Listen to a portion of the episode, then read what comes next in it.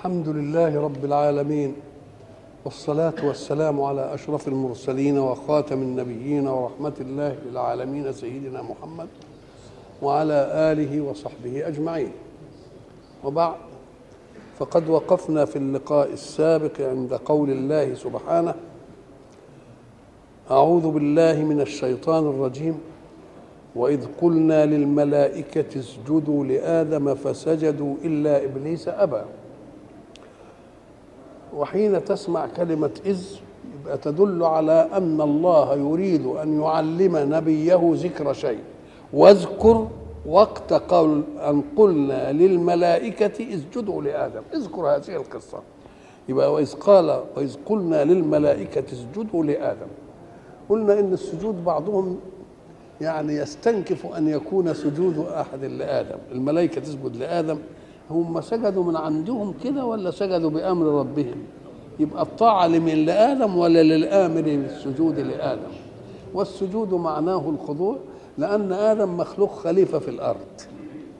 وإحنا عايزين نكرر هذا المعنى ونؤكده علشان تتضح القصة للجميع. آدم يقولوا إيه؟ ده ظلمني وعصى ربه وخلانا ننزل إيه؟ الأرض ونتعب ونشقى وكنا قاعدين مبسوطين في الجنة وحواء عملت ومش عارف إيه. نقول له يا أسيادنا افهموا عن الله. الله لم يقل ان آدم مخلوق للجنة إياها اللي هي دار الخلد. ده قول له إيه؟ إني جاعل في الأرض خليفة. يبقى أول بلاغ من الله عن آدم. إنه خلقه للجنة ولا خلقه للأرض؟ خلقه للأرض. تقوم أنت تقول لي ما دخل كلمة الجنة هنا دي؟ نقول له طب نعرف الجنة دي بتطلق على إيه؟ الجنة تطلق على صحيح اللي دار النعيم الأخروية. إنما أمنع أن تطلق على شيء في الدنيا؟ إنا بلوناهم كما بلونا أصحاب الجنة. إذ أقسموا لا يصرمنها مصبحين ولا يستثنون. أيود أحدكم أن تكون له إيه؟ جنة إيه؟ بربوة. واضرب لهم مثل الرجلين جعلنا لأحدهما إيه؟ جنتين من أعناب. مش كده؟ الله. اذا كلمة الجنة تطلق على أيضا شيء في الدنيا بس إيه؟ فيه كل ما تطلبه النفس وذلك سموها جنة أي تستر بشجرها وكثافته من يدخل فيها. أو جنة تكفي الإنسان ما تخليش يطلع بره يعوز حاجة تانية. فيه كل متطلباته. يبقى دي نبقى إحنا نقول آدم مخلوق للأرض. ما تظلموش وتقول ده خرجنا من الجنة. يبقى هو مخلوق لمين؟ خليفة في الأرض. طب وإيه حكاية الجنة اللي جت دي؟ قال لك الجنة ده مكان أراد الله أن يعطي آدم فيه الدرس اللي يتدرع به وينزل يباشر خلافته في الأرض. زي ما يكون بنقد بنعلم جماعة لمهمة كورة بس كورة. بناخدهم ندربهم على المهمة قبل ما ندخل مباراة. فما كانش يجيب آدم كده ويخلقه ويقول له انزل باشر مهمتك في الأرض إما يأتينكم منه هدى بقى لا. هيعلمه. تدريب. فقال له أدي جنة فيها كل اللي أنت عايزه. كل كله. وبعدين اداله أمر الإباحة في الحلال والحظر في الحرام. اللي هي دي. إيه؟ كله تكليف من الله. يا أمر يا نهي. فجاب له موجز التكليفات. كل من دي رغد ولا تقربش هذه الشجرة. بس اسمع بقى احذر الشيطان لأنه مش هيسيبك كده لأن الشيطان ما دام عصي عايز الكل يبقى عاصي. هيجتهد في إنه يغريك. الله. كل دي هي خلاصة منهج الأرض والرسل في السفر هي الخلاصة. كل رسول هيجي بإيه بأوامر إيه؟ ونواهي ويحذرنا من الشيطان هيوسوس لنا يخرجنا عن أمر الله. فقال للآدم آدي لما تاخد جماعة عشان تدربهم على مهمة زي الكورة بنقول ولا المصارعة ولا الملاكمة ولا أي حاجة مش بتتكفل لهم بمعيشتهم كده وتقعدهم فترة كده ها؟ وتدي لهم كرسي كده. أهو ربنا عمل له كده قال له ادي الحتة أهي فيها كل الخيرات وعيش فيها كويس وبس إيه اعمل كذا ولا تعملش كذا. واحذر الايه الشيطان. وبعد ذلك حدث ما حدث. يبقى آدم عرف بالتجريب الواقعي إن الشيطان هيغريه وإنه يعمل كذا وكذا. يقوم لما ينزل الأرض بقى يبقى على ذكر من هذه القضية. اوعى حد يزين لك ما حرم الله. اوعى حد يزهدك فيما أحل الله. اوعى من الشيطان. يبقى طلع للأرض وبعدين بعد ما نجحت التجربة بقى والشيطان عمل اللي عمله وآدم مش عارف إيه وبتاع قال له اخرج بقى للإيه؟ اهبطا بعضكم لبعض عدو. افتكروا دي كويس الشيطان وذريته هيبقوا عدو لك انت وايه؟ وذريتك. يجي بقى يقول هو آدم نبي وإزاي النبي يعصى عصى آدم ربه فإيه؟ فغوى. يقول له يا أخي آدم ما دام هيبقى خليفة في الأرض وهتيجي منه انسال الناس دي كلها إلى أن تقوم الساعة في عنصرين. هتيجي منه رسل من صلب رسل وتيجي منه ناس مرسول إليهم.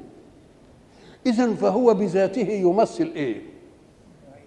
يمثل الكون اللي هيجي كله. نبوة إيه؟ وغير نبوة. النبوة معصومة إيه؟ وغير النبوة مش معصوم. ممكن تحصل. فآدم قبل ما ينبأ مر بالتجربة دي. وبعد ما نبئ ولذلك إيه؟ وعصى آدم شوف بقى الكلام اهو وعصى آدم ربه فغوى. إيه؟ ثم اجتباه ربه. اذا الاجتباء بعد التدريب. فتاب عليه وإيه؟ وما كلفوش إلا كده. قال إيه؟ اهبطوا بقى. فإما يأتينكم مني هدى ها فمن تبع هداي. الله. يبقى اذا العصمة جت إمتى؟ جت بعدين. بعد فاكتباه ثم اكتباه ربه. يبقى إذا في الحالة الأولى بيمثل لك البشر جميعا بأنه قد يعهد إليهم بحكم وينسوا الحكم ويعملوا ويخالفوا. خلاص؟ ولما يصطفى تاب عليه وهدى. يبقى آدم مثل الإيه؟ مثل الدورين الاثنين دور عصمه النبوة بعد ما اكتباه والحاجة الأولانية عصى آدم ربه فهو كأي إنسان من اناسي الأرض اللي هم هيبقوا هيبقوا أولاده. يبقى اذا لازم نفهم أن آدم خلق للخلافة في الأرض. الخلافه في الأرض دي الأرض مهيئة له ومعدة من كل حاجة. يعني مقومات الحياة موجودة فيها ومقومات بقاء النوع موجودة فيه. كويس؟ وإن أردت أن تترف نفسك بقى شغل عقلك. شغل إيه؟ عقلك بقى وشوف بقى الأشياء كده واستنبط واعمل ومش عارف إنما مقومات الحياة إيه؟ مو إيه؟ موجودة. له بقى في, في إحنا قلنا في حاجة اسمها الملك. وهو ما يرى. فيه ملكوت وهي العملية اللي خلف الملك. انت بتشوف بقى أشياء بتؤدي مهمتها في الكون ما تعرفش إيه وراها دي ده إحنا الجاذبية اللي عاملة عمايلها في الكون دي مش شايفينها أهي دي كانت من عالم الملكوت من الدريه إنما ظهرت ولا ما ظهرتش؟ ففيه بقى ملائكه موكلين بقى له معقبات من بين يديه ومن خلفه يحفظونه. يحفظونه من عندهم كده تطوع ولا من أمر الله انهم مخلوقون له وبعدين عن ما يلفظ من قول إلا لديه إيه؟ رقيب إيه؟ عتيد. يبقى كل حاجة لها ملائكة بت إيه؟ فربنا لما خلقوا خليفة جاب الملائكة الموكلين بمصالحه في الأرض. وقال لهم اسجدوا له لأن هو ده اللي هيبقوا أنتوا في خدمته. يبقى السجود بقى جاي ليه؟ خضوع للخليفة الذي إيه؟ يعمر الأرض. وأنتوا يا ملائكة ولذلك القصة دي ولكت في كذا في كذا صورة. لكن كل صورة بتدي لقطه آه هنا إلا إبليس إيه؟ أبى. مش كده؟ في آية ثانية إلا إبليس استكبر. إلا إبليس أبى وإيه؟ يجيب لي اثنين مش كده؟ ومرة يقول ما منعك أن تسجد. ومرة يقول ما منعك ألا تسجد. الله لقطات مختلفة. ليه؟ كل لقطة بتدي إيه؟ عشان نجمع اللقطات دي وتطلع الايه؟ تطلع القصة. وفي آية بقى تانية اللي بينت لنا قال له أستكبرت أم كنت من العالين؟ يبقى امتناعك عن السجود لا سبب له إلا شيئين. يا استكبرت أن تسجد لآدم؟ أدي واحدة. يا كنت من العالين. إيه يعني من العالين؟ أي من العالين الذين لم يشملهم أمر السجود. كأن أمر السجود كان لملائكة خاصة. اللي هيبقوا في خدمة آدم. إنما العالين المهيمون دول التانيين ما لهمش علاقة بآدم ولا يمكن يدروا عنه. فقال له أنت قول لي بقى أنت كنت مستكبر عنهم ولا أنت كنت من الطائفة اللي ما شملهاش الإيه؟ ولا ما شملهاش الأمر. اذا فلقطات القصة المختلفة في الصور كلها تجمع إيه؟ تجمع قصة إيه؟ ولذلك هو الحاجة اللي مسكنها المسائل يقول لك تقول لي البلاغة في القرآن في قول الله ما منعك أن تسجد ولا ما منعك أن لا تسجد؟ أيهما البليغ؟ فإن كانت ما منعك أن تسجد هي البليغة يبقى القرآن فيه بليغ وغير بليغ. وإن كانت الثانية تبقى دي اللي مش بليغة. إيه قول لنا الحكاية دي؟ دي فيها لا ودي ما فيهاش لا. نقول له أصلك أنت مش فاهم. ما عندكش ملكة الفهم على العرب. اللغة اللغة لها فهم ولها ملكة. لأن آدم إبليس لما يمتنع بيقول له ما منعك أن تسجد؟ يعني انت كنت عايز تسجد وجه واحد قال لك لا ما تسجدش. ولا واحد أقنعك بأن لا تسجد.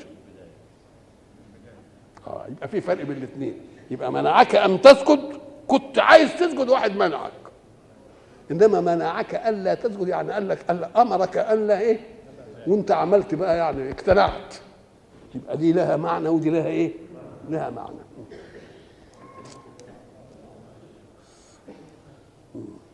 إلا إبليس أبى. هنا أبى وفي آية ثانية يستكبر وفي آية ثالثه يستكبر. وما كنت من العالين. لقطات مختلفة. آه.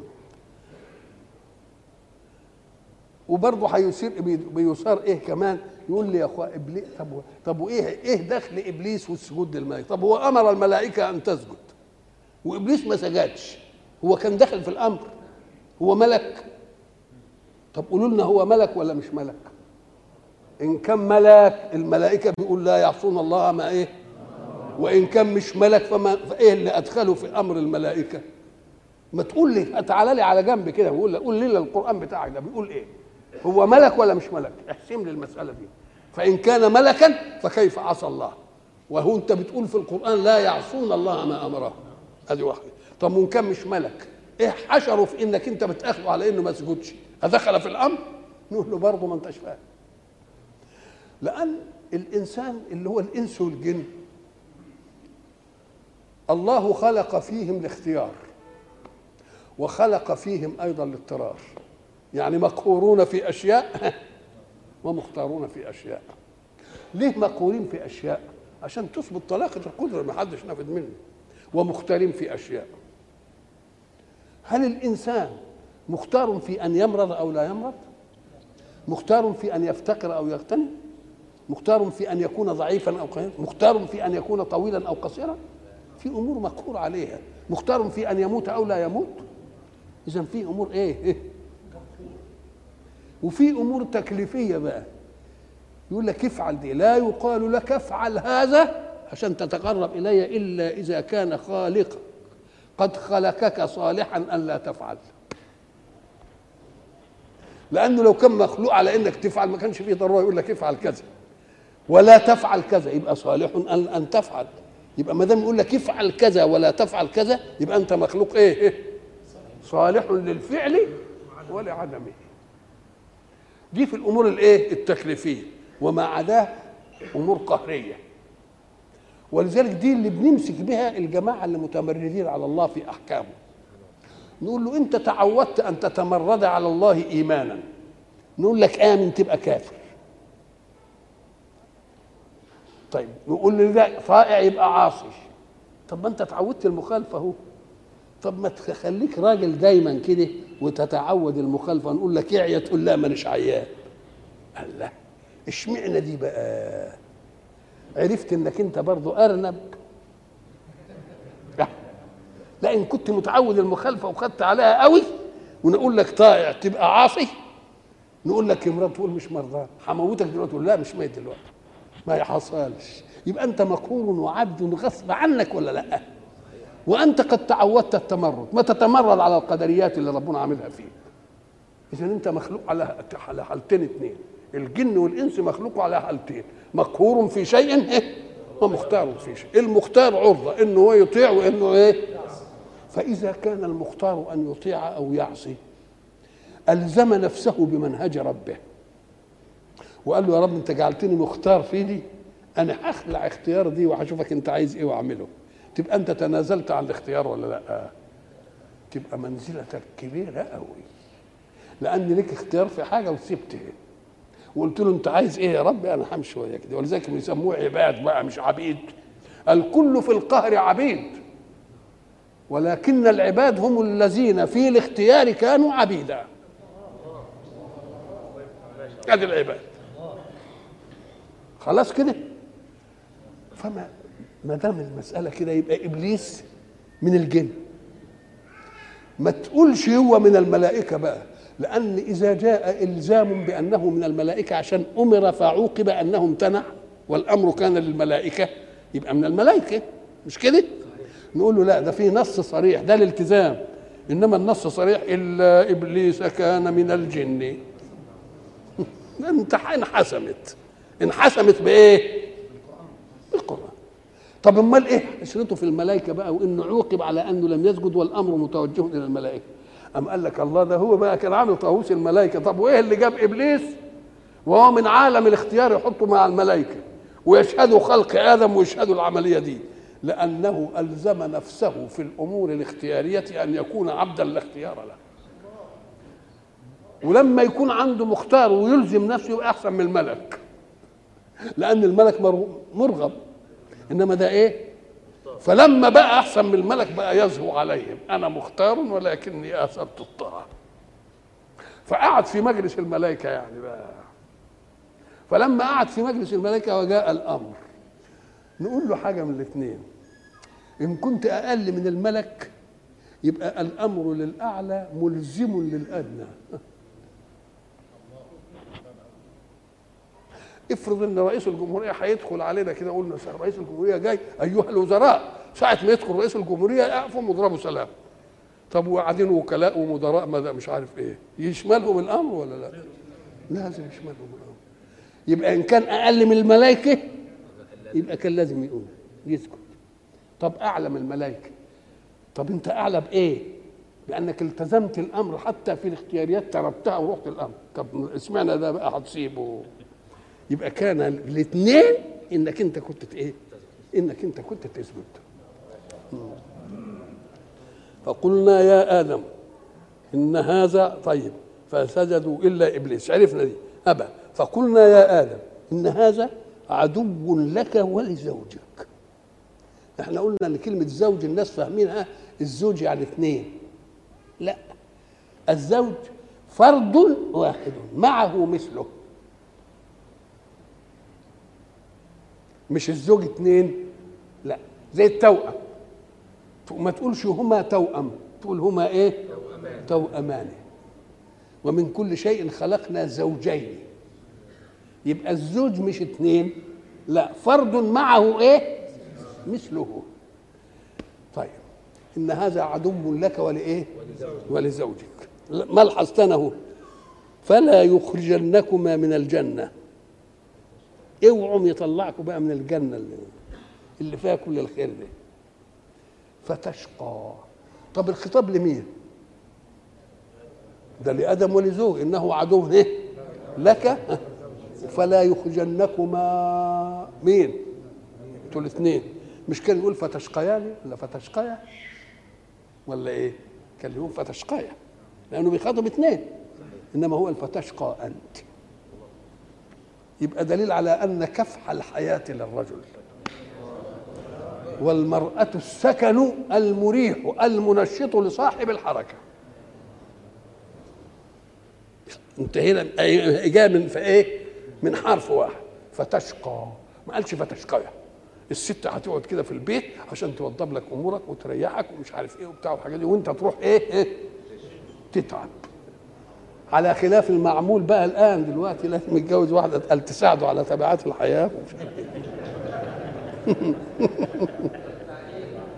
فقلنا يا آدم إن هذا عدو لك ولزوجك فلا يخرجنكما من الجنة فتشقى. وهيخرجكم بالإيه؟ بالأغواء. والجنة دي فيها كل طلباتك. فيها كل إيه؟ طلباتك. بس أنا ابحت لك كل حاجة فيها وإيه؟ ونهيتك عن حاجة واحدة. أنت ليك في الجنة عايز منها إيه؟ إن لك اللي, اللي ليك علينا إنك ألا تجوع فيها ولا تعرى وأنك لا تظمأ فيها ولا تضحى تظمأ يعني تعطش. تضحى يعني ما تتعرضش لحراره الشمس اللافحه دي. أدي اللي ليك في الجنة. مش هتجوع لأن فيها إيه؟ كل الثمرات. كلا منها رغدا حيث إيه؟ شئتم.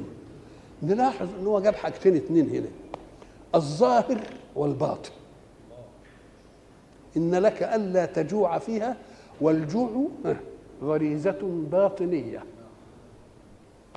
ولا تعرى غريزة ظاهرية. يبقى الباطن وإيه استوى. وأنك لا تظمأ فيها ودي برضو إيه؟ باطنية. ولا إيه تضحى تتلفح بالشمس دي باطنية. خد جاب الاثنين. ظاهرين وإيه؟ وباطنين إن لك ألا تجوع فيها وهي غريزة باطنية. ولا تعرى دي إيه؟ ظاهرية. وأنك لا تظمأ فيها إيه؟ باطنية. ولا إيه تضحى يعني الشمس تلفحك باطنية. مم. وأنك لا تظمأ فيها ولا تضحى. الشيطان ما سابوش بقى؟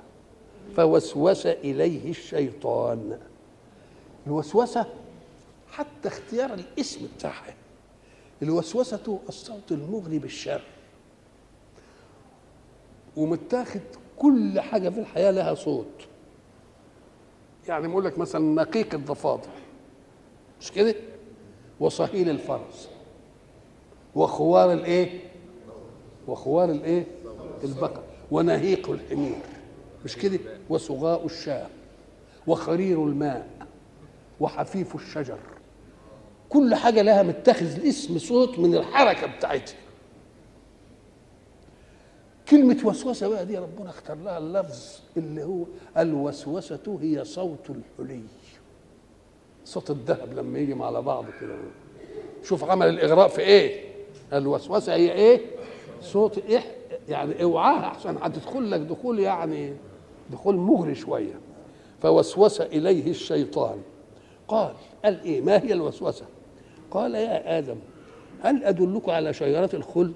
طب يا أخويا ما دام هتدلني على شجرة الخلد أمال قلت ربنا أنظرني إلى يوم يبعثون ليه بقى. ما كنت تاكلها وتنفض وخلاص وتنتهي. وملك لا يبلى ما دام عارف الحكاية دي ما تديه لروحك. ها؟ فاكلا منها.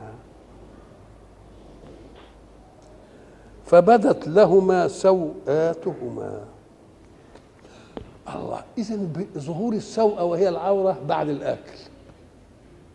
طب وكان قبل الأكل إيه بقى؟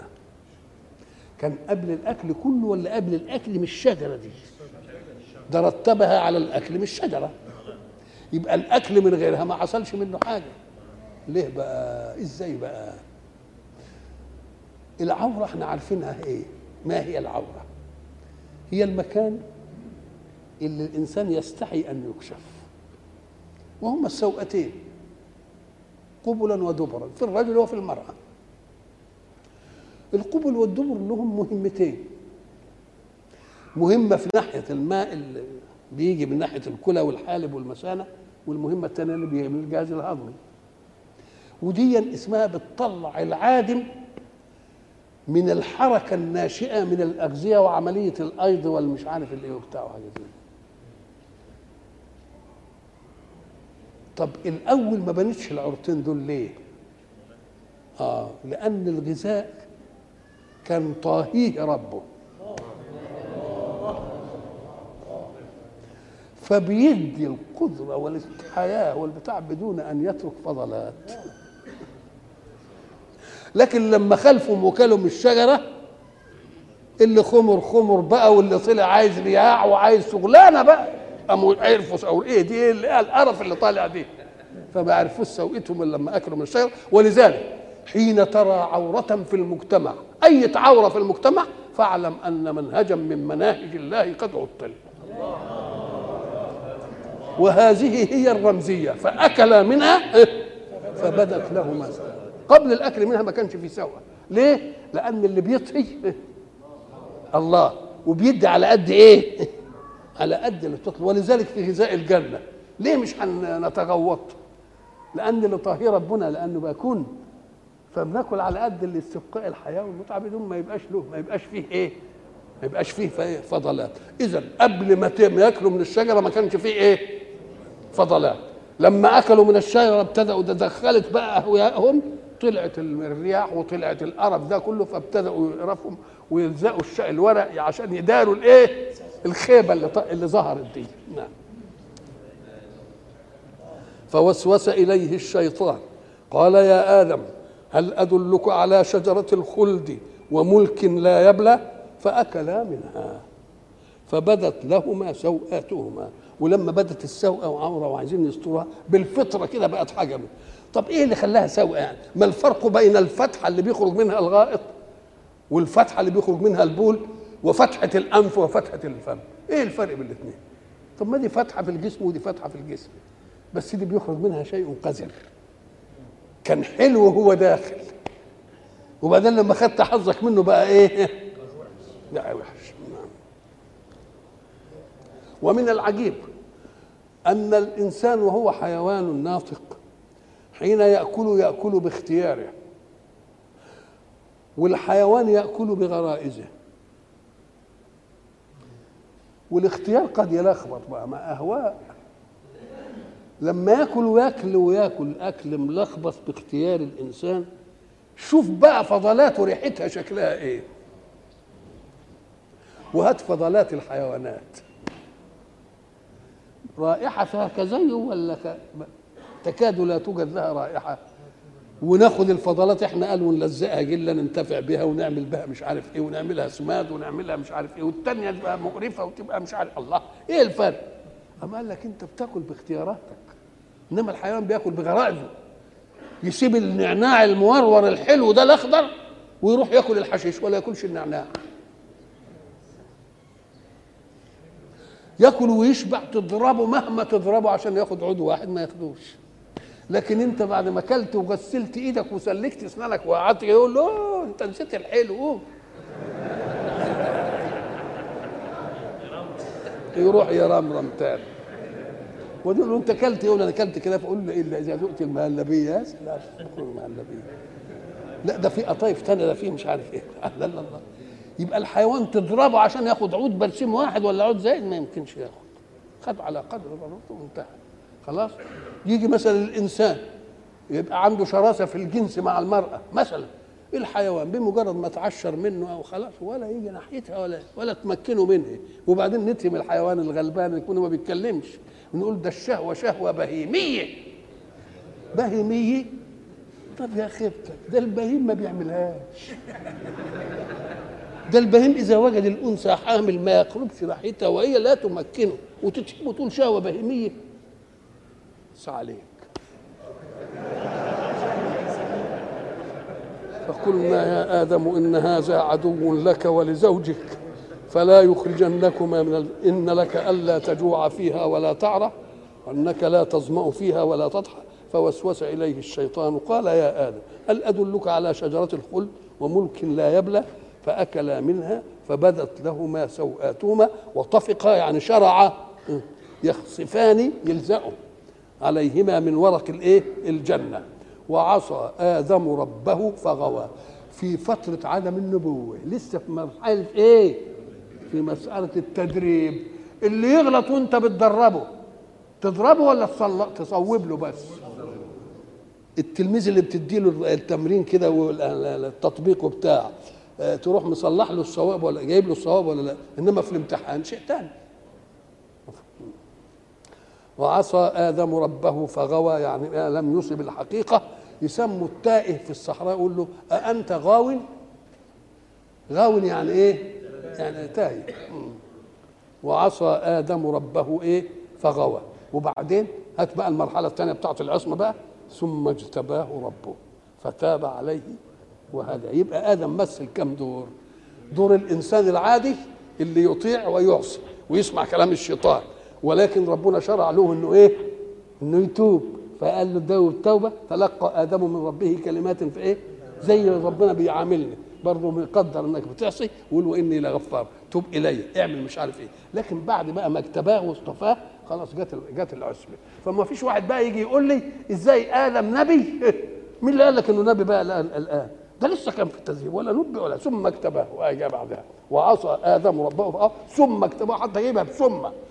بثم اللي تقتضي إيه؟ تراخي.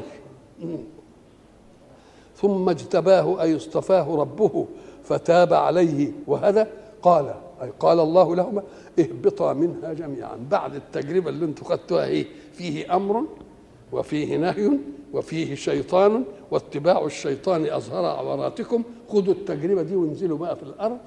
امشوا على إيه؟ مقتضاها. يبقى يبقى بيدي لهم إيه؟ مناعة. لحركة الحياة كلها مع التكليفات. لأن كل تكليفات يا أمر يا إيه؟ يا نهي. اللي يفسد التكليفات علينا إيه؟ الشيطان.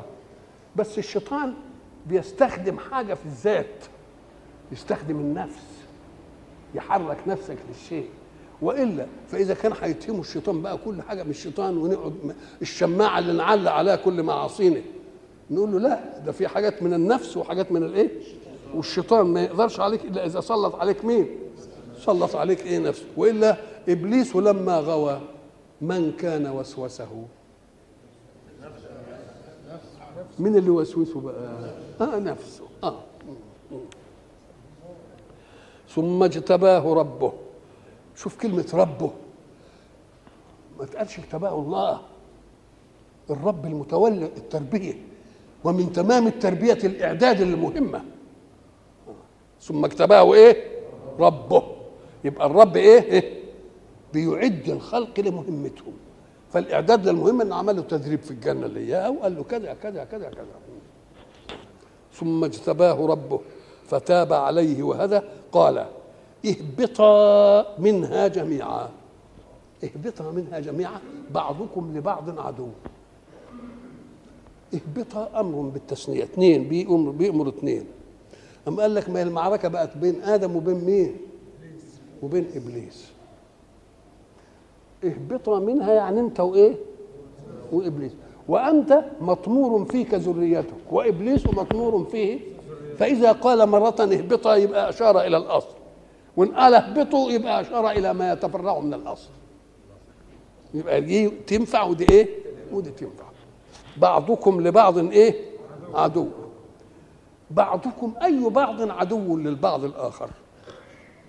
كلمة بعض دي لها دور في القرآن كبير. أي بعض عدو أنت عدو الشيطان إن كنت طائعا. الشيطان عدوك إن كنت طائعا. لما تبقى عاصي ما يبقاش في عداوة. أيوة عداوة منين بقى؟ يبقى إمتى تيجي العداوة؟ إن كنت طائع والشيطان عايزك تبقى إيه؟ تبقى عاصي نعم بعضكم لبعض وحين لا يعين البعض تبقى العداوة متبادلة. العداوة اسمها بعض شائع في الجميع. ولذلك إحنا كنا تعرضنا ليه عند إيه؟ إحنا قلنا آه اللهم أهم يقسمون رحمة ربك؟ وقالوا لولا نزل هذا القرآن على رجل من القريتين عظيم. مش كده؟ أهم يقسمون رحمة ربك؟ نحن قسمنا بينهم معيشتهم في الحياة الدنيا. ده المعيشة المرتبطة بالمادة اللي قدامهم إحنا قاسمينها بينهم. ده غني وده فقير وده قوي وده ضعيف ومش عارف. عايزين يقسموا الرحمة اللي هي متدارية عنهم. إيش الحكاية؟ هم يقسمون رحمة ربك. نحن قسمنا بينهم معيشتهم في الحياة الدنيا إيه؟ آه ورفعنا بعضهم. طيب أي بعض رفع وأي بعض رفع عليه؟ هذه بقى الكلام. رفعنا بعضهم إيه؟ فوق بعض. من البعض المرفوع ومن البعض المرفوع عليه. الناس من السطحية في الفهم ياخدوا إن الغني مرفوع على الفقير. بس. نقول له لا. ما فيش حد زي ما قلنا ابن ربنا. فكل الخلق بالنسبة للحق سواء. ولكن مهمات الحياة تحتاج أشياء كتير ومواهب متعددة. ما يجمعش المواهب في ناس وناس بلا مواهب. بل ينصر المواهب في الأرض. ده شاطر في دي وده شاطر في دي وده شاطر في دي وده شاطر عشان نحتاج لبعض. إذا ربطنا معا بإيه؟ بإن جعلك شاطر في حاجة فالكل محتاج لك.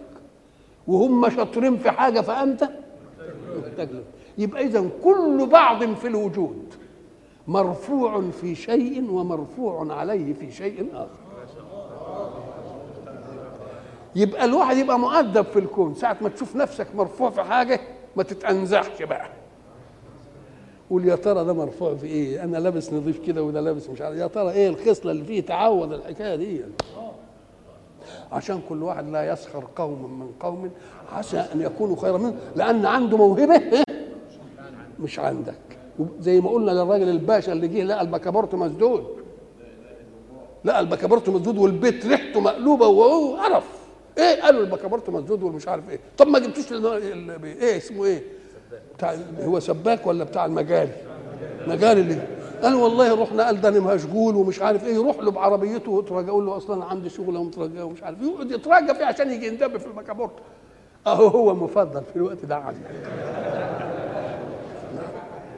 ولذلك طلعنا بقضية يجب تطبقها في اللي حواليك كله تشوف أنت أحسن من الناس اللي حواليك دي في إيه وهم أحسن منك في إيه. خلاص؟ وبعدين تشوف المجموع بتاعك والمجموع بتاعهم يبقى مجموع كل إنسان يساوي مجموع كل إنسان ولا تفاضل إلا بالتقوى. اوعى تقول انت أحسن من واحد في حاجة. دور شوف أحسن منك في إيه. هيبان فيما في بعدين هو أحسن منك في إيه. لما تبقى تحتاج له تلتفت تلاقيه العتال لما تكون عايز تعمل حاجة مشقه كده تروح تترجى فيه عشان يجي يعمل لك عمالين بنترجى في ناس يكسروا له حتة اسمنت قد كده. ولا مش عارفين نعمل فيها حاجة. يبقى هم مرفوعين علينا ولا مش مرفوعين علينا؟ مرفوعين علينا. يبقى علشان كل واحد يلزم إيه؟ يلزم ادبه لا يسخر قوم من قوم عسى أن يكونوا ولا نساء من نساء عسى أن يكون خيرا منهن. والواحد يلزم ادبه في الوجود. إن شفت نفسك أحسن من واحد في حاجة بدل ما تتعالى بها وقول يا ترى هو أحسن مني في إيه؟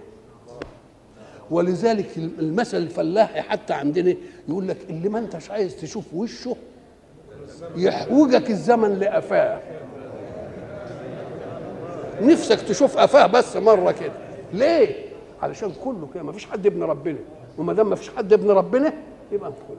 ولذلك هناك يقول لك طيب يا أخي آه آه الناس أصحاب العاهات ومش عارف إيه. قال لك شوف بص لأصحاب العاهات.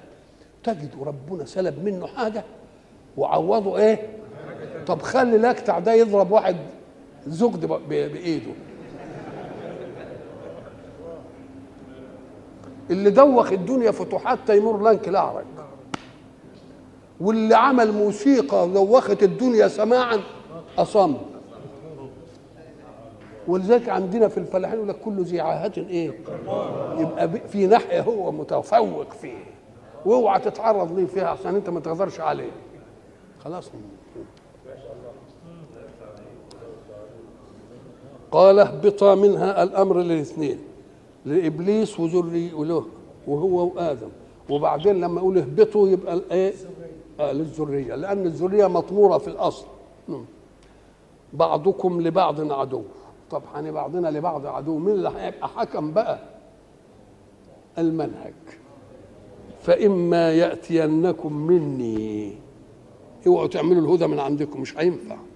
فإما يأتينكم مني هدى فمن اتبع هداي فلا يضل ولا يشقى. الله. الهدى دي اللي هي كتالوج صيانة الإنسان. إحنا كررنا كثيرا إن اللي بيصنع من البشر صنعة بيعمل إيه؟ يجي في الصنعة ويحط كتالوج. الكتالوج ده معناه إيه؟ القانون اللي يمشي عليه صيانة هذه الصنعة إن اتبعت التعاليم اللي في الكتالوج الصنعة تؤدي إيه؟ مهمتها طب مين اللي بيوضع الكتالوج دي؟ مش اللي عمل الحاجة؟ طيب أو ربنا هو اللي خلقك يبقى مين اللي يوضع الكتالوج بتاع صيانتك؟ يقول لك افعل دي ولا تفعلش دي تبقى إن حصل واحد تاني وضع الكتالوج يبقى افتيات ولا لأ؟ أنا أروح أقول للجزار والنبي توضع لي كتالوج عشان الميكروفون يبقى اذا فساد الكون جاي من إيه؟ من أن الله خلق ووضع كتالوج وأنت عايز تعمل كتالوج جديد من عندك. يبقى مش ممكن الآلة تؤدي مهمتها. إن خدت الكتالوج بتاع الصانع تمشي الآلة. فإما يأتينكم مني هدى هذا الكتالوج أهو. يتبع هدايا لا يضل ولا يشقى. ومن أعرض عن ذكري إحنا قلنا أعرض يعني اداله عرض كتافه زي ما قلنا. ومن أعرض عن ذكري إيه النص؟ الحكاية لا يضل ولا إيه؟ ولا ومن أعرض عن ذكري فإن له معيشة ضنكا. معيشة ضنك. يقول لك ده فلان في ضنك. الضنك هو الضيق الشديد. اللي تحاول تفلت منه كده وتفلت منه كده ما فيه طب وليه معيشة ضنك؟ ليه؟ أم قال لك لأن اللي مؤمن بإله إن عزت عليه الأسباب ما يبقاش في ضيق ابدا. يقول ده ليه يا رب يطلع لي من ال... إنما اللي ملوش رب يا ويله ساعة ما تيجي أسبابه تعجز يعمل إيه؟ ينتحر. إنما المؤمن لا ما ينتحرش. يقول ده أنا ليا رب يخلق لي القوانين أنا ليا رب يرزقني من غير إيه؟ من غير حساب.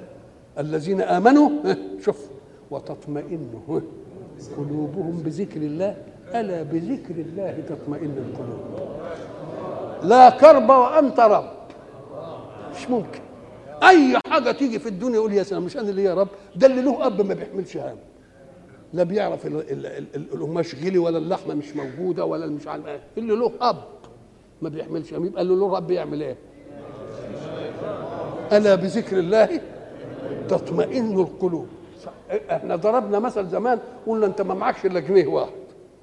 ومشيت واحد لطشه منك أو وقع تزعل ولا ما تزعلش؟ خلاص؟ طب وإن كان عندك كمان عشرة في البيت؟ طب وإن كان عندك حساب في البنك؟ أهو ربنا الرصيد الأعلى بقى. تضيع أي حاجة تقول أنا ليه يا رب؟ وربنا ادالنا مثال مع الرسل. لما جه موسى طلع ببني إسرائيل وفرعون أدركه كده وراه عايز يلحقه عشان يمان قال أصحاب موسى إيه؟ إنا لمدركون. إنا لمدركون. كلام عدل. ام وراء البحر اهو إيه؟ وادي العدو اهو يعني كلام ما واضح. إنا لايه لمدركون. ماذا قال موسى؟ أهذا ألا بذكر الله تطمئن القلوب. قال كلا. يقولها بملء فيه كلا ويمكن تكذب بعد لحظة ويخبدهم عليه كده. لا أصلا معي يا ربي سيهدين لا لا لا لا أهيدي ألا بذكر الله إيه؟ تطمئن القلوب. يبقى مش مش اللي مش اللي يؤمن بالله ويتبع الهدى مش هيبقى في ضنك ولا في شدة. تجيله شدة برضه. إنما شدة لا تخرج عزمه عن الرضا. يقول ليه؟ يقول إيه؟ أنا ليا إيه؟ أنا ليا رب. نعم. ومن أعرض عن ذكري فإن له معيشة ضنكا الضيق الضنك يعني الإيه؟ آه من يريد الله أن يهديه إيه؟ يشرح صدره للإسلام ومن يريد أن يضله يجعل صدره إيه؟ ضيقا حرجا كأنما يصعد إيه؟ الله أيدي برضو آية من الآيات بتاعت المعجزات القرآنية طب ومين قال إن اللي يصعد في السماء صدره يبقى ضيق؟ مين اللي قال له الحكاية دي؟ هم طلعوا السماء ما طلعوش السماء ما شاء الله. إيه طلعوش السماء ولا ولا ما, ما حصلش إيه اللي عرفوا إن اللي يطلع للسماء صدره يضيق هو معنى ضيق الصدر يعني إيه؟ حيز الرئة بقى ضيق. والرئة هي اللي بتعمل عملية التنفس وعملية لا لا لا, لا. فلما يبقى ضيق ولو بمرض يعني لو طلعت أنت في سلم ولا بتاع تنهج ولا لأ؟ معنى تنهج يعني. يعني إيه؟ الرئة اللي هي فيها خزينة الهواء مش قد الحركة. فأنت بتساعد وتجيب هواء تاني. تنهج تنهج يعني بتجيب هواء جديد. يبقى ده الصدر إيه؟ قفص الصدر إيه؟ ضيق. اللي يجي له شوية مثلا زي اللي عندنا مثلا شوية بلغم ومش عارف بيضيقوا إيه؟ حجم الهواء يبقى ما تعبان ولا لا؟ طب إيه اللي قال لهم بقى إن اللي يصعد في السماء ها؟ صدره ضيق منين جت الحكاية دي بقى؟ ربنا اللي قال إيه؟ وبعدين دلوقتي لما يطلعوا ها؟ إيه اللي يحصل؟ آه إيه اللي, يحصل كده؟ نعم. ولذلك يدوا لهم أنابيب ويدوا لهم مش عارف إيه ويدوا لهم إيه ويدوا لهم ومن أعرض عن ذكري فإن له معيشة ضنكا.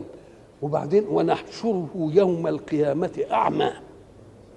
قال ربي لم حشرتني أعمى وقد كنت بصيرا؟ قال كذلك أتتك آياتنا فنسيتها وكذلك اليوم تنسى. بنعاملك زي ما أنت عملتنا أنت نسيت آياتنا إحنا برضه ننساك. طب وإيه كلمة أعمى دي؟ وإن كان في هذه أعمى فهو في الآخرة إيه؟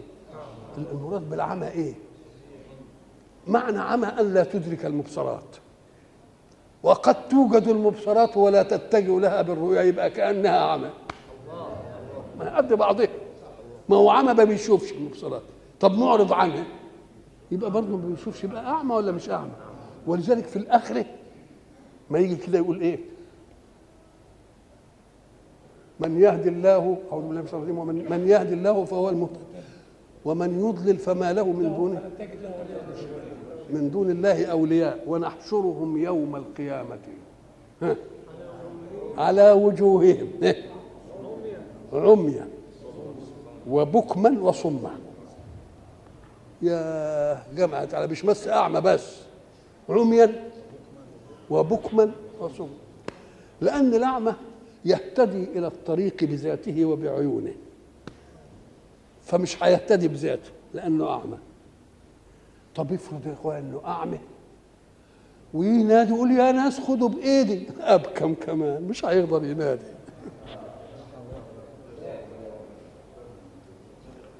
الله. طب صما. مش صما رخرة كمان يبقى عميا إيه؟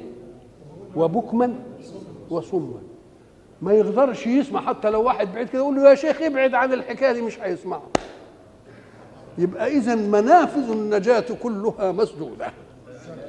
فهو أعمى فلا يبصر النجاة بذاته. وأبكم فلا يستغيث ليأتي أحد لينقذه. وأصم فلا يرد على المتطوع. وإلى لقاء آخر إن شاء الله.